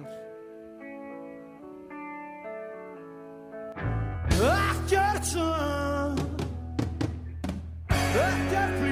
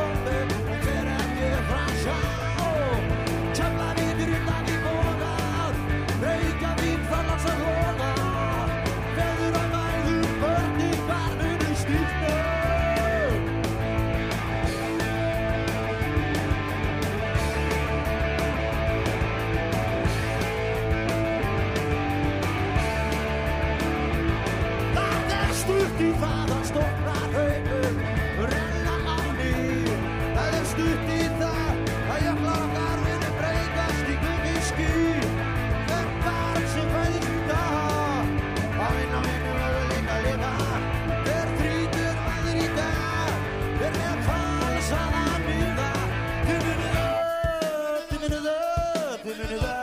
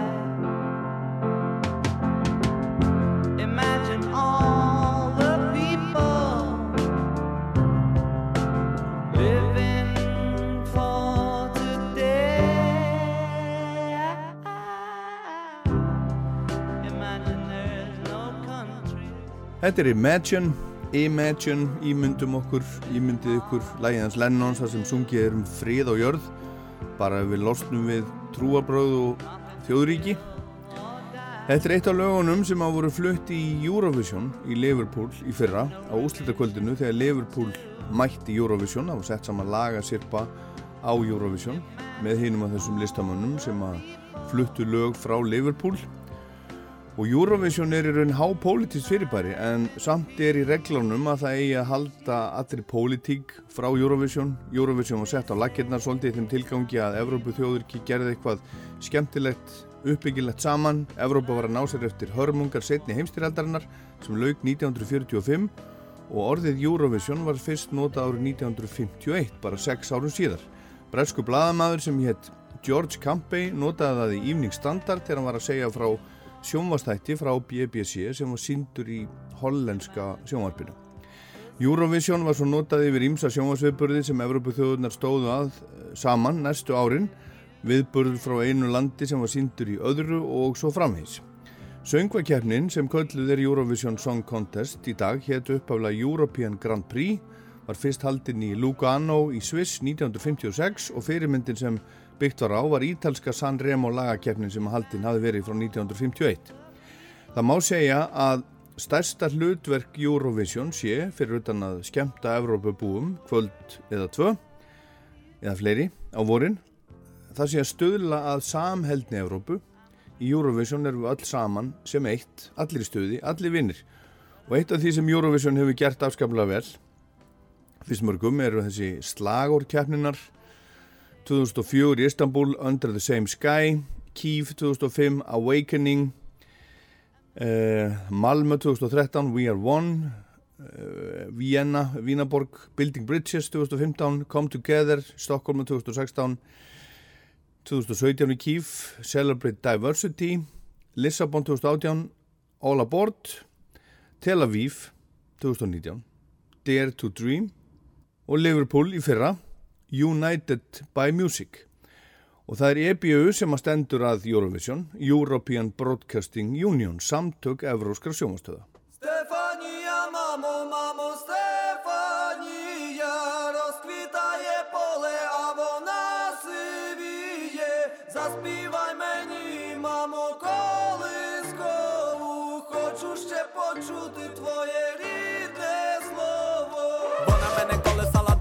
дала мені напевне силу волі не забрати в мене бо дала Вона напевне знала, може більше і від Соломона Ломаними дорогами прийду я завжди до тебе. Вона не розбудить, не будить. Мене в сині бурі забере бабулі звідулі, ніби вони кулі.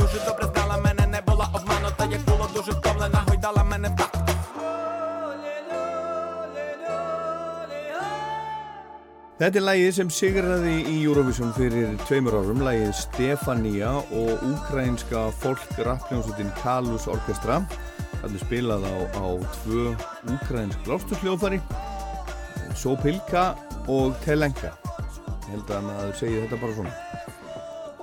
EBU sem að eh, stendur að Eurovision stendur líka að Eurosonic sem er tónlistarháttíðin sem að haldin er í Króningen í Hollandi í janúar ár hvert þar sem evróski músikbransin kemur saman umbóðsmenn og tónleika, bókarar og fólk frá tónlistarháttíðum eins og Róaskjeldu og Æsland Airwaves og útvarsfólk frá ríkisútvarpunum í Európu og líka fólk sem að starfar fyrir útflutningskrifstofur tónlistar innan ymsu þjóða í Európu og Rockland var á Eurosonic í fyrra eins og svo oft áður og þar var líka ung kona sem að kalla sig Helen Gahan.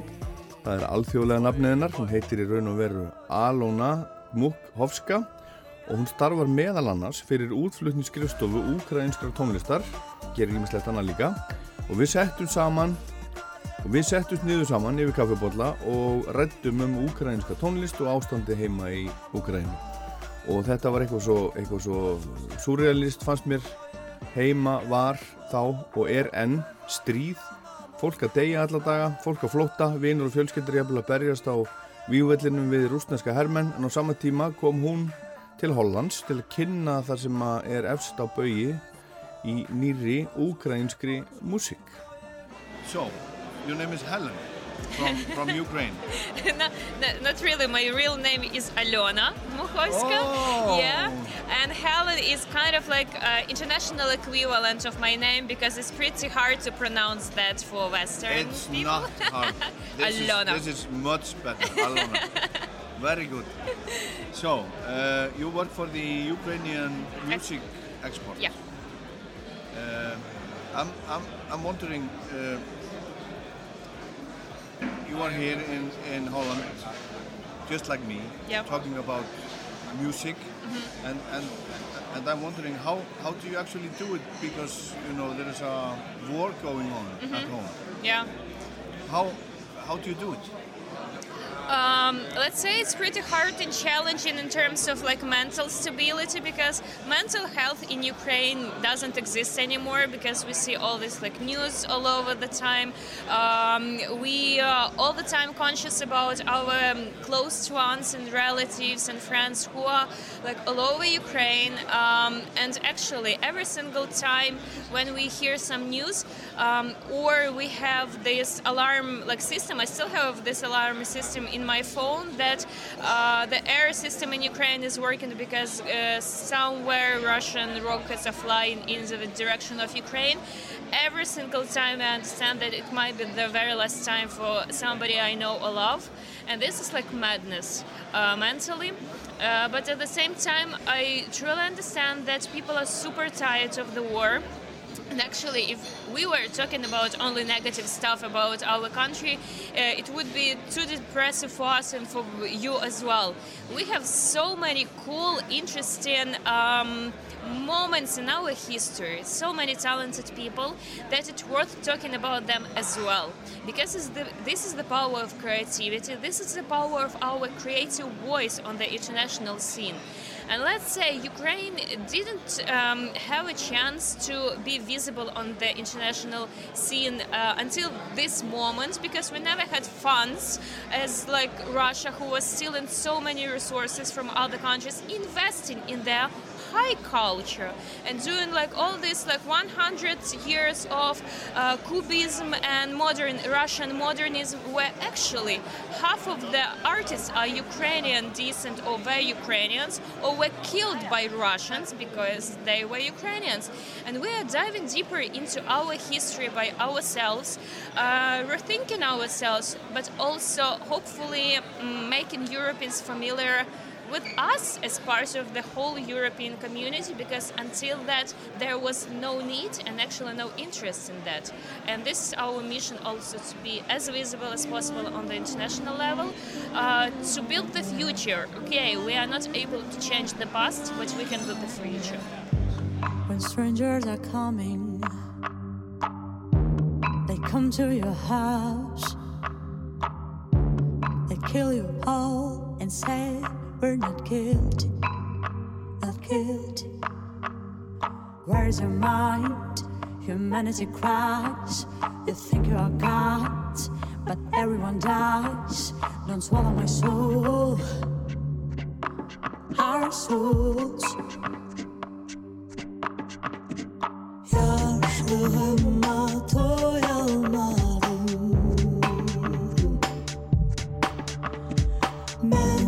Bu yerde yaşanmadı Yaşlığıma toy almadım Ben bu yerde yaşanmadım Þetta er ukrainska söngurinn Jamala og lagið 1944 sem hún sigraði með í Eurovision árið 2016. Lagið fjallar um það þegar Sovjetríki Stalins ráku krímtatara frá krímskaga í lok setni heimstyraldar og komuðum fyrir í Úsbekistan.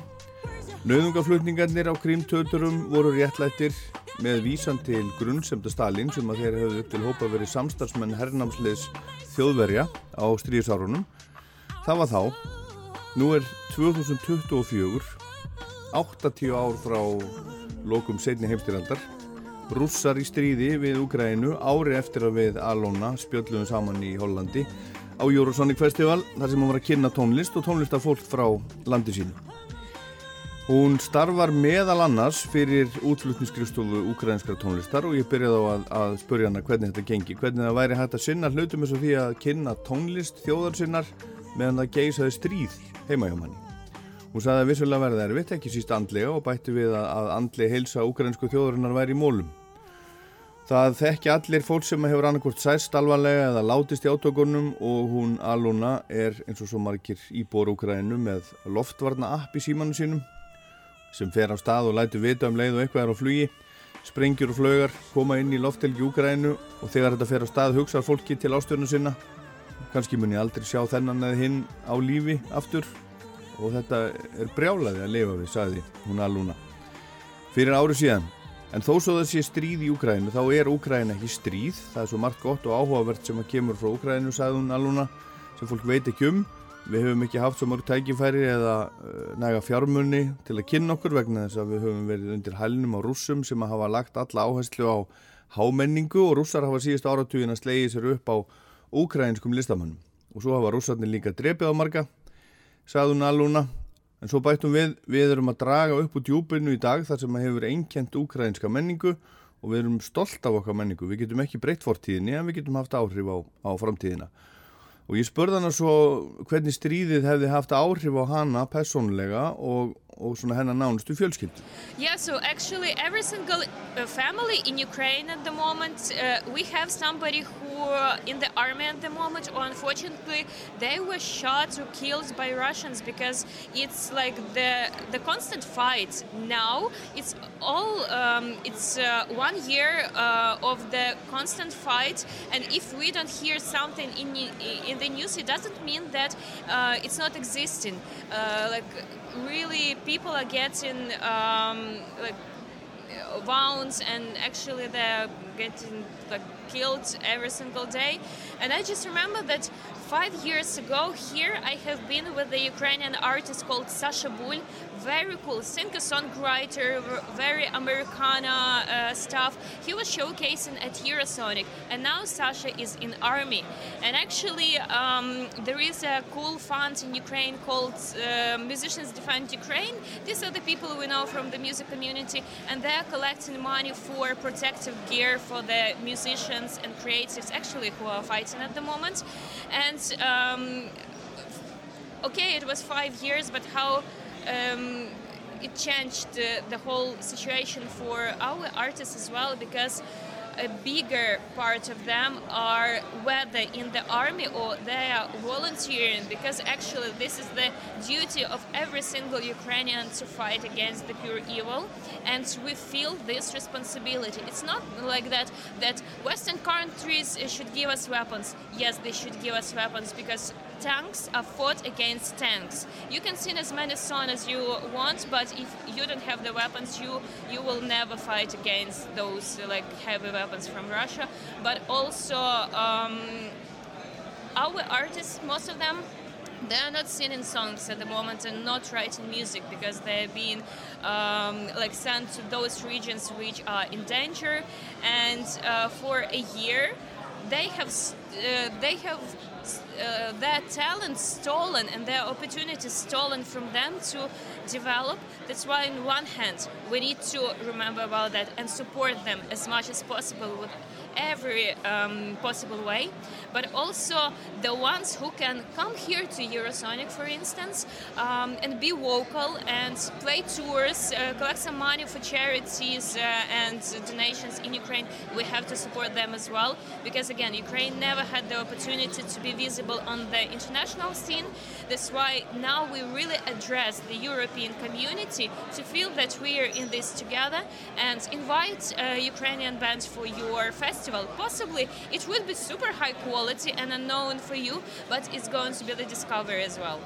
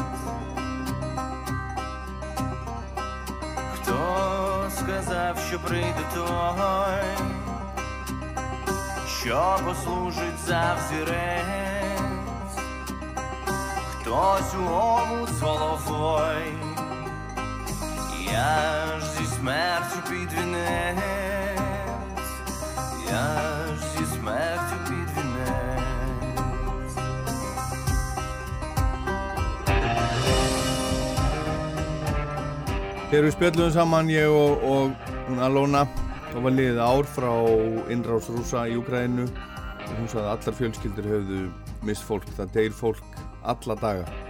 Og nýjasta fréttin sem að ég finn á Rúf til dæmis er bara frá því í gær, 11 fórust í loftarás í austanverri Ukraínu í dag, þar voru 5 börn, segir Vadim Filaskinn, hérastjóri í Donetsk héraði. Hann sagði að eldflögum á gerðinni S-300 hafi verið skotið á byggð í bænum Prokrovsk.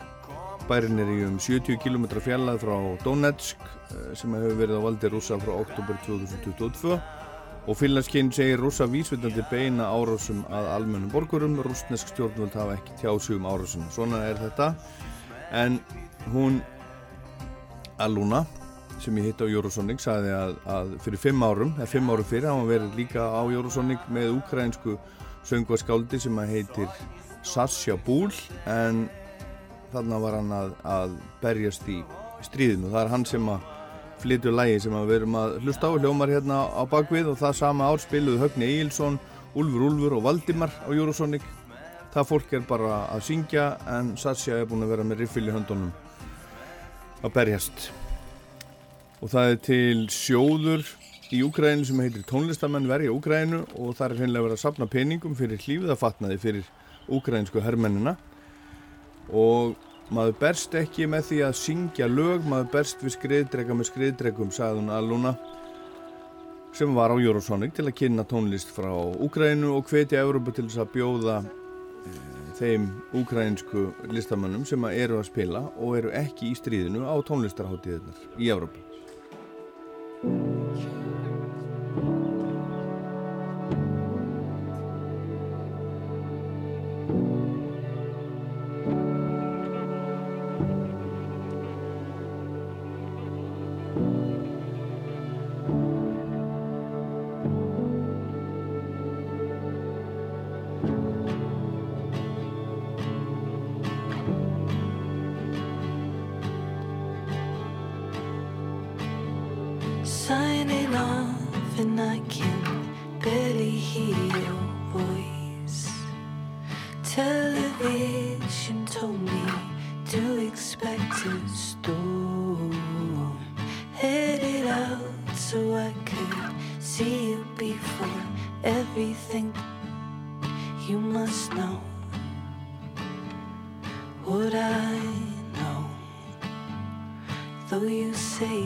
started garden after the snow.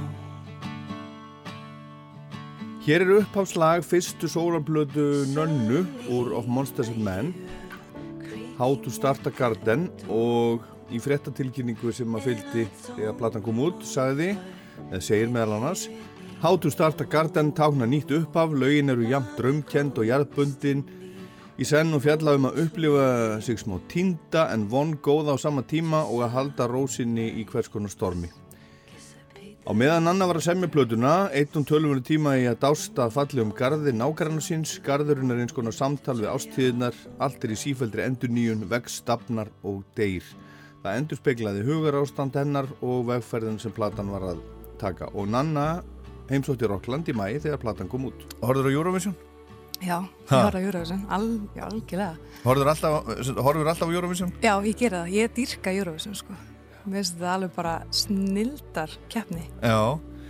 Og, og uh, kustu? Nei, æ, ég gerði það ekki. Mér fannst eitthvað svo erfitt þegar við vorum ekki með, sko. Ég horfði Já. og ég ákvaði að halda með Finnlandi. Já, af hverju? Æ, mér fannst það bara eitthvað svo, veist, mér fannst þetta bara svo fullkomið Eurovision. Út af því að þetta er, þetta á að vera steipa. Veist, Já, mér. finnst? Mér finnst það sko, mér fannst hérna um, svo fannst mér bara læg, mér fannst lægi bara skemmtilegt og náði mér og mér fannst hann bara geggjaður og, og þetta var eitthvað algjör steipa mér finnst það bara fullkomið Já, en sko, svo, þú veist, þetta er náttúrulega orðin gömul keppni Mhm. og, og hérna, og það var náttúrulega heilmikil, heilmikil pólitík í keppninni, ég menna til dæmis eins og, eins og sko, ég, ég var nú að játa það, ég þekkti nú ekki öll lögin sem voru þarna í sko lokin, það sem Mhm. að var svona Liverpool meets Eurovision, Já, já, ég já. var svolítið hissað að það væri til dæmis ekki bítlalag, þetta tóku Imagine, Já. sem er náttúrulega svona friðarlag og, og svo endur þeir á You Will Never Walk Alone sem er Mhm. náttúrulega líka bara svona, þú veist, Mhm. samstaða og, og þetta var svona Úkraina náttúrulega átt í keppnina Mhm. og þetta var svona, var mjög mikil friðarpólitík í, í, í þessu öllu saman Mhm. en, en, en sko þetta er, þetta er uh, sko, þetta er lagakeppni lagahöfundakeppni. Mm. en áherslan hefur breyst en þetta er meira orðin svona skemmtiadrið keppni Já, einmitt. Þannig laga, skilur, þetta er atriðið. Það staði geggjaður Já, var mjög- mjög flottur. Hann var flottur. Já. Það var eitt smá flott hjá hann Já, en þú kaust ekki. En, en, en hvernig, hvernig fannst þér til dæmis sigurlægið? Mér fannst það bara flott. Mér fannst það flott, ég alveg, hún átti alveg skilið sko. Mhm. En ég, samt, ég var samt bara tím Finnland sko. Já. En mér fannst hún alveg, hún er alltaf bara geggju og þegar hún, þú veist, fór upp á svið þá var maður pínu bara Já ok, þetta er ekkert beint ykkur keppni núna, skilur hún á þetta bara. Og rosalega og það var bara eins og að horfa eitthvað tónlistamindband, skilur Já. þetta var bara rosa, rosa flott. Og hún er vist á leiðinni til Íslands. Já, til einmitt. að vinna með Ólaf Arnalds. Akkurat, ég heyri það. Sem að þú hefur unni með. Já. þannig að erum við að tala um er- Óli, Nanna og, Lo- Loren. já, bara við kannski bara eittustu í kaffi og en, en hérna uh, þú veist, átt einhver áhugamál önnur, önnur en tónlist? Um, Já, ég hann að ykkur áhuga mál, ég er alltaf ég er, ég er í kera mikið ég veist það múið að gaman. Það? yes. Já, já. Ég er hérna með leir á skónum sko. Já, já, já, já. Og hvað hva ertu búið til? ég er bara búa til alls konar. Ég er hérna, þú veist þetta klassiska náttúrulega er bara svona bollar og, og eitthvað. Um, en svo finnst mér mjög gaman að gera eitthvað svona skúltúra líka. Um, og ég myndskreitir og svo mikið, þú veist ég kannski er að búa til eitthvað bolla eða blómapott eða lam, eða, uh, vasa eða eitthvað. Og svo finnst mér mjög gaman að myndskreita með svona einhverja, einhverja svona myndasögu Já, sem, sem, sem ert að mála þá á eða? já, svona risti í, sko, Já, já. mála yfir svo risti ég Já, já í Og er, er þetta nýtt áhugamál eða er þetta eitthvað sem þú hefur verið að gera bara lengi? Sko ég hef verið að gera þetta síðan kannski 2016. Já, já, en þú ert búin að vera í þessu nokkur ár Já, ég, Og nærðu einhverju svona einhverju ró í þessu já, ég gerir það sko og mér finnst það líka sko þetta svona út af því að ég, það, ég, það er svo litil rútína í, hjá mér sko í lífinu. Og það, mér finnst það svona, svona svolítið erfitt sko. Þannig að þetta er ákveðin rútína, ég mæti bara þarna og geri þetta og það skiptir ekkert annan eftir enn máli, ég er bara að leira og það er eitthvað mjög, og svo er þetta líka skapandi, þetta er svona öðruvísi sköpun. Þetta er svona, En, en hversu, rútína, það, þú, þú meinar að lífið er, þú ert eh, í svona rútínu lífi. Nei, ég, mér finnst sko, mér finnst finnst gott hafa- hafa Mér finnst gott að hafa rútínu. Já.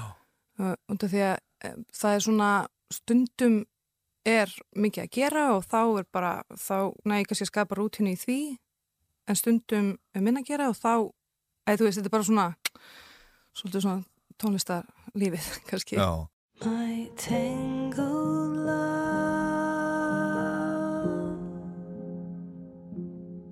We are twisted, morphing into one. Somehow I feel, though it's frightening, this is forever, eternal in and all. I cannot hold you, but it's harder to let you go than try. If you don't know if you can see in colors,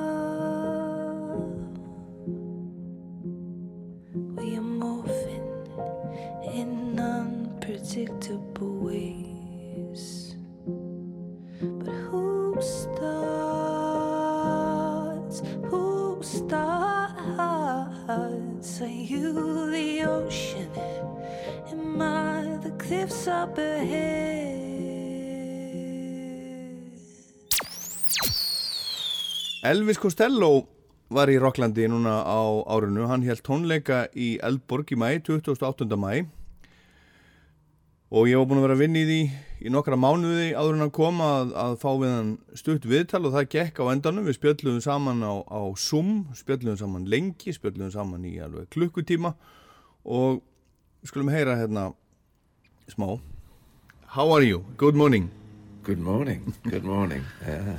No, You were good, in- Thank you. In New York? I am. Yeah. Yes, I'm, I'm in New York. Uh, It's early morning here. Well, I get up early in the morning. Um, my wife is away on tour. She just left Oslo for Padova in Italy. So I'm the parent here in the house. I'm the one that sounds the, the morning bell at the moment, you know? yeah, very good. I got la- we have lads who are 16. They're, they're, they're pretty self sufficient, but they need a little reminder to go to school in the morning, otherwise, they'd sleep.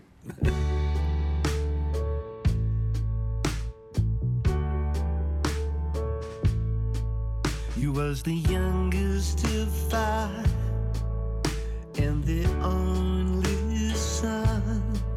He called his wife by Elvis Costello býr í New York með konun sinni tónlistakonunni Diana Kroll og tveimur 16 ára gömlum sonum sem hann segist þurfa að vekja til þess að fara í skólan á mótnana en Elvis vakna snemma, saðan þegar við spjöldluðum saman frúin var á, á túr í Ítalju var að fara frá Oslo til Ítalju þarna um morgunin sinninir eru tvíburar. Elvis er þríkvæntur 68 ára sem sagt, þegar við spjöldum saman.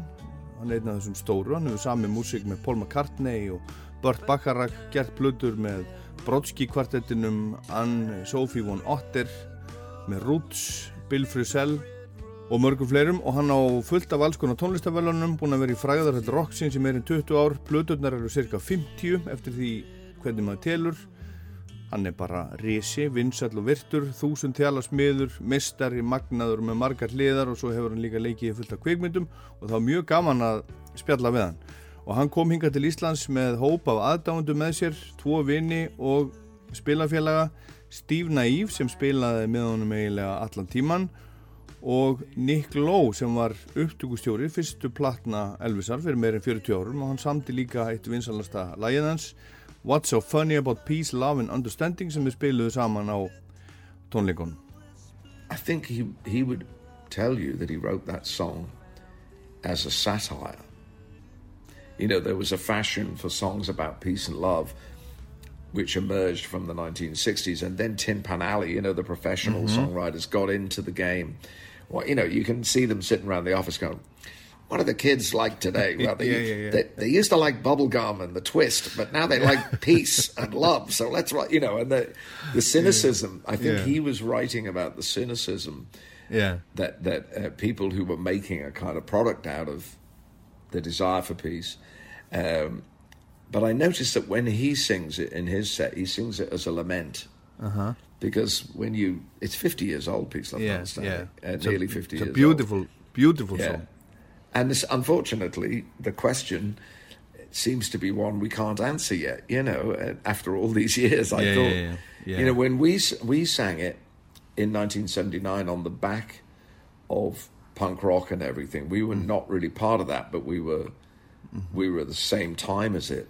And a lot of people were saying a lot of things, and I, I had the idea to revive Nick's song, which was by that point only, it was only actually four years old at that Mhm. point. I think he recorded it in 1974, Mhm. and uh, we brought it back in 78. And, um, you know, I thought it was, by playing it very furiously, it seemed like we were asking a, va- a valid question, but Mhm. delivering it as if it was one of these much more um, nihilistic expressions that had been in punk. You know, it wasn't like I didn't like some of those records, but I thought we can play much better than some of these bands. Mhm. So uh, we should do this anthemic song of Nick's. And of course, in America, it's as well known as any song I wrote. It's another one of those curiosities that I, you know, I've written a lot of songs, but I, I write unusual songs and I don't expect them to be for everybody. Mhm. Not every song I write. I can write, you know, clearly and simply if I want to, but I don't want to. A lot of the time, I want to Mhm. write the angle that somebody else isn't writing. You know, there's no Mhm. point in trying to be like somebody else.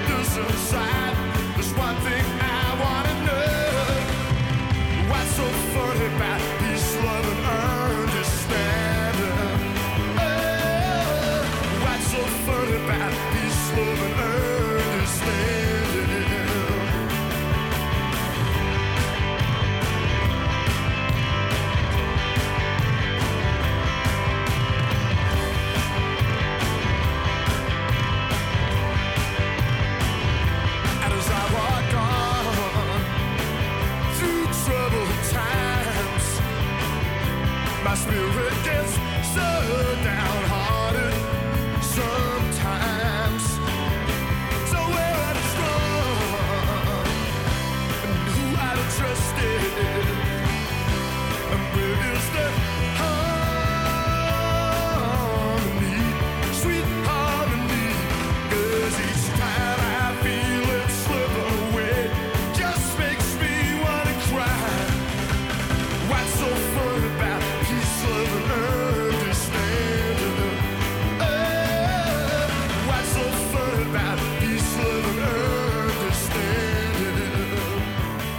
What's so funny about peace, love and understanding Elvis Costello eins og þetta kom út með honum fyrir mörgum, mörgum, mörgum árum síðan og, og lagi sem það fluttu saman hann og Nick Lowe sem var samtiða í Eldborgi Hörpu. Tónleikandi voru teknir upp fyrir Rástvö og við möttum útarpa þeim síðar. En þessi tónleika voru svolítið sérstakir. Mörgum fannst gaman en sumum fannst bara svolítið leiðilegt það er bara eins og það er stund I'd trusted? And where is the harmony, sweet harmony?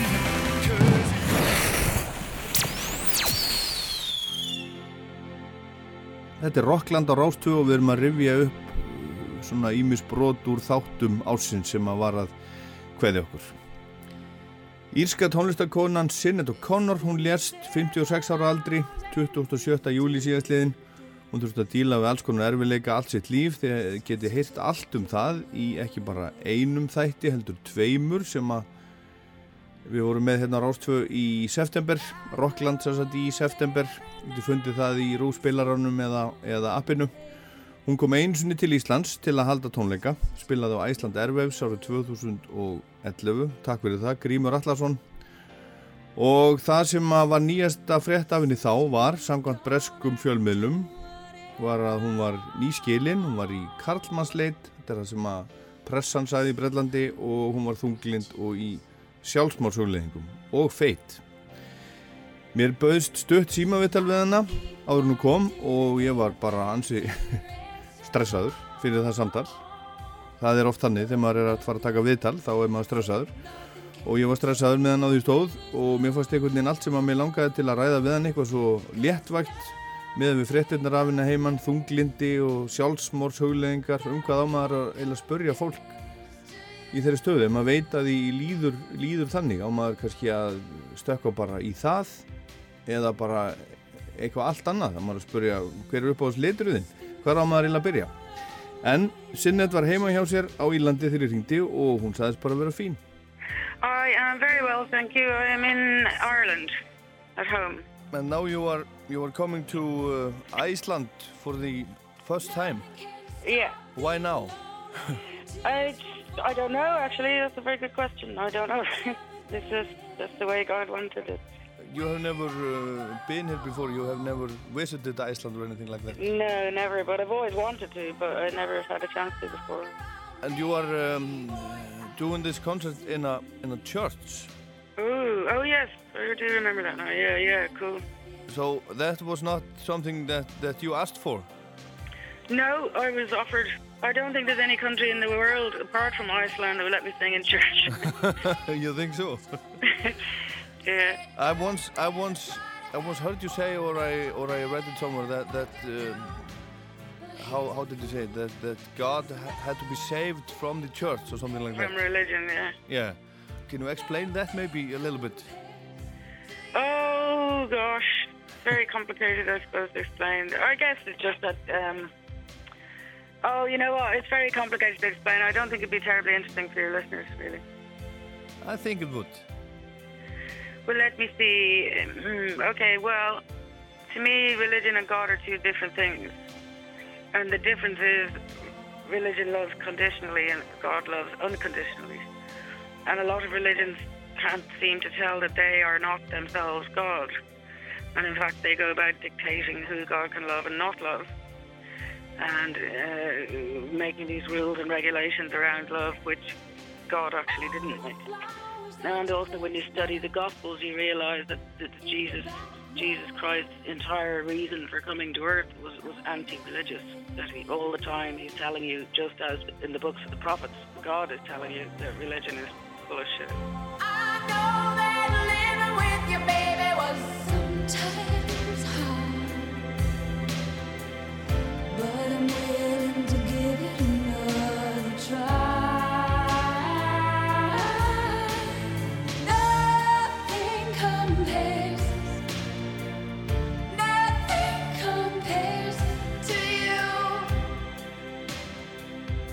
Kirkjunni, sagði Sinnett, og kirkjunamönnum var mörgum illa við hana heima á Írlandi. En hún var alltaf duglega að gaggrína kirkjuna og, og allt það og var að þeirri skoðun að það þurfti að bjarga Guði frá kirkjunni og trúabröðunum og kirkjan hafi bara ekkert með Guð að gera. Guð elski skiliriðslaust á meðan allt sem skiliriðum háð hjá kirkjunni. Kirkjana elskar til dæmis ekki samkynnneiða sáðun og svo framvegis.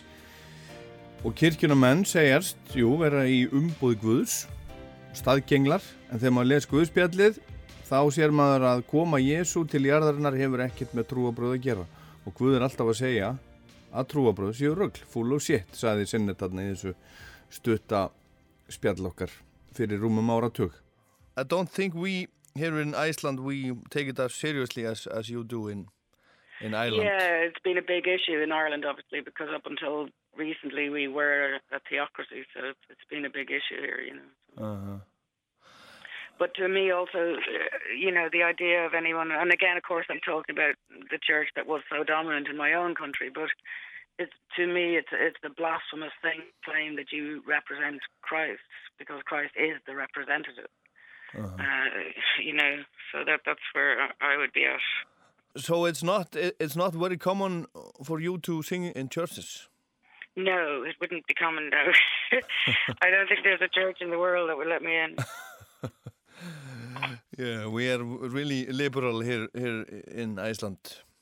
I Well, a guy last year, um, a man asked me, would I sing at our local church to raise money for the parish trip to Lourdes, Huh? which I said I, I would love to do, and uh, but the parish priest wouldn't have me in the door. Really? Yeah. Is it really like like I, that? I knew the guy would say no, but I just thought, oh fuck it, I'll let the poor man ask anyway. But no, absolutely Wow. not. Yeah, uh, that's not the first time either that that's happened. Big troublemaker. Um, I was managed briefly um, by a guy called Paul McGuinness, who manages you too, right? And they had this song called "This Is Not a Rebel Song," and I wrote this song, and it was a love song, but it was also about Ireland. Only Paul McGuinness wanted me to only say it was a love song, so I disagreed. So I called it "This Is a Fucking Rebel Song" with a big I S.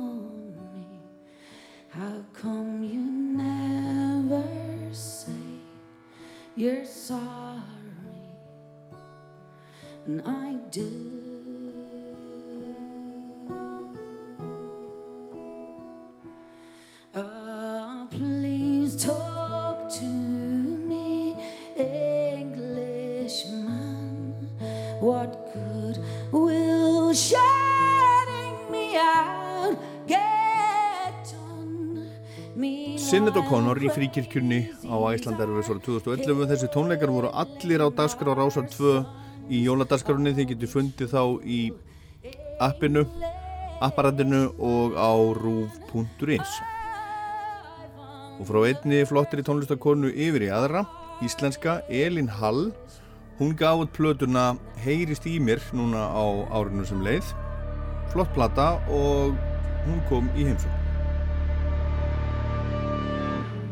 Velkomin Elin Takk hella fyrir það. og til að hafa með þessa, þessa fínu plötu Takk hella. Heyri, heyrist í mér hérna áður en að við förum í nafni á plötunni hérna e, þetta lag heitir, heitir Heim Já. það skrifa svona öðruvísi Há, nei H-E Já, H- bil já. Já, Já. akkur Það er svona, svona næstu því skamstöðunin á titlinum á plötunni. Heyrist í mér.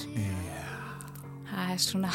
Ég var ekki búin að kveikja á þessu Ég veit ekki hvort að neitt hafi kveikt á þessu nema Andrea sko þegar hún voru að hérna rýna í plötuna. Ég hef ekki heyrt neitt kveikja á þessu sko. Andrea nema Jóns? Já. Já, það það er er enginn eins og hún sko. hún er, hún er skegg Nei, já, ég veit.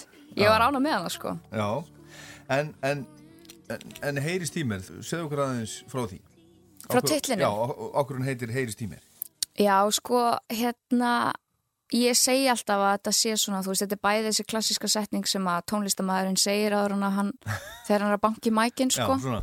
Svona, já, heyrist í mér, já. en svo er þetta líka svona, hérna, svona lýsi svolítið ástandinu í lögunum og ég fann að þetta var svolítið svona rauðu þráður í gegnum svona mótífin á baku lögin. Hérna, svona tilfinning að finnast þú ekki hyrður eða séður, bæði bara í stóru samingi en líka bara í svona persónulegum samböndum og hérna já, þú veist þannig að það, þetta var bæðið mér persónulegt fyrir mér en líka bara svona bara, eh, hvað var þar mig sem listakonu, sko á þessum tíma þegar ég var að semja semja þessa tónlist, sko. Og það er kannski svona pínu kaltænislegt að horfa á það núna því að, jú, jú, það heyrist svo sem ágætlega í mér, þú veist, rást þau er að spila með helling og hérna, ég er að fá miklu meira tækifæri með mér hefði einhvern veginn geta óra fyrir að fá, sko. En það hefur ekkert alltaf verið þannig svo sem og ekki þegar ég var að byrja að vinna plötuna og ég er alltaf búin að vera að vinna í músík og gefa tónlist í nýju ár. Eða svona síðan ég var 16 ára, sko. Í nýju ár, Já. Það er svona fun fact, sko. Ég náttúrulega byrjaði 2015 og svo fór ég í hljómsveitir og svo gaf ég náttúrulega plötu 2020 og, Já. og svo gaf ég út hellingasinglum og eitthvað neginn og var svolítið að upplifa að bara vera, vera á öskrinu og það var ekkert að Nei. um, eins og gerist bara og hérna já, í staðan fyrir að vera bitur þá bara hérna fór ég að semja með það, sko. En hvað hva, hva gerði svo? Þú, þú segir að svona, heyr, heyrist ekkert í þér, en, en nú allt í hennu heyrist alveg hellingur þér. Ég veit, það er bara eitthvað, eitthvað small, ég veit það ekki, þú veist, það er bara eitthvað í, í loftinu, sko, og maður er alltaf að byggja eftir að fari, sko, að því að maður hefur verið hinum megin líka. Já, þú mennar að þú heldur að þú sér bara svona heppin í smá stund. Eh, maður, maður, svona, maður hefur alveg því, sko, áhugjur og ekki áhugjur. En, Ég he- held að sko Mick Jagger hafi haft áhugir af þessu líka Já. og Paul McCartney Já. og allir þetta er bara eitthvað núna, vonandi eldist þetta í sex mánuði svo þeir já, já, já, einmitt. Já, það er eitthvað þannig, sko, eða þú veist, maður er alltaf líka að reyna að vera raunsær og hafa einhverja væntingastjórnun, sko, sérstaklega því maður hefur upplifað hinnendan, sko, að bara finnast maður vera öskur út í tómi og það er enginn að kveikja, sko. En, um, já, ég allavega get bara sagt að virkaði fyrir mig að halda alltaf áfram. Hald alltaf áfram, ég held að það sé bara algjörlega málið. Og við höldum áfram með þennan þátt sem að heitir Rockland á þessu ári 2024 Ég heit Ólaður Páll, takk fyrir að hlusta núna og alltaf. Heyrumst vonandi oft á nýju ári. Fyrirgeðu, ég var stutt í spuna Held ég að ég ekki heyrt spurninguna. Ég á það smá til er ég horf á þig ert alveg hættur að ringja í mig. Þú þarft ekki að afsaka, ég skil þig. Þú skuldar mér ekki nei Þú segist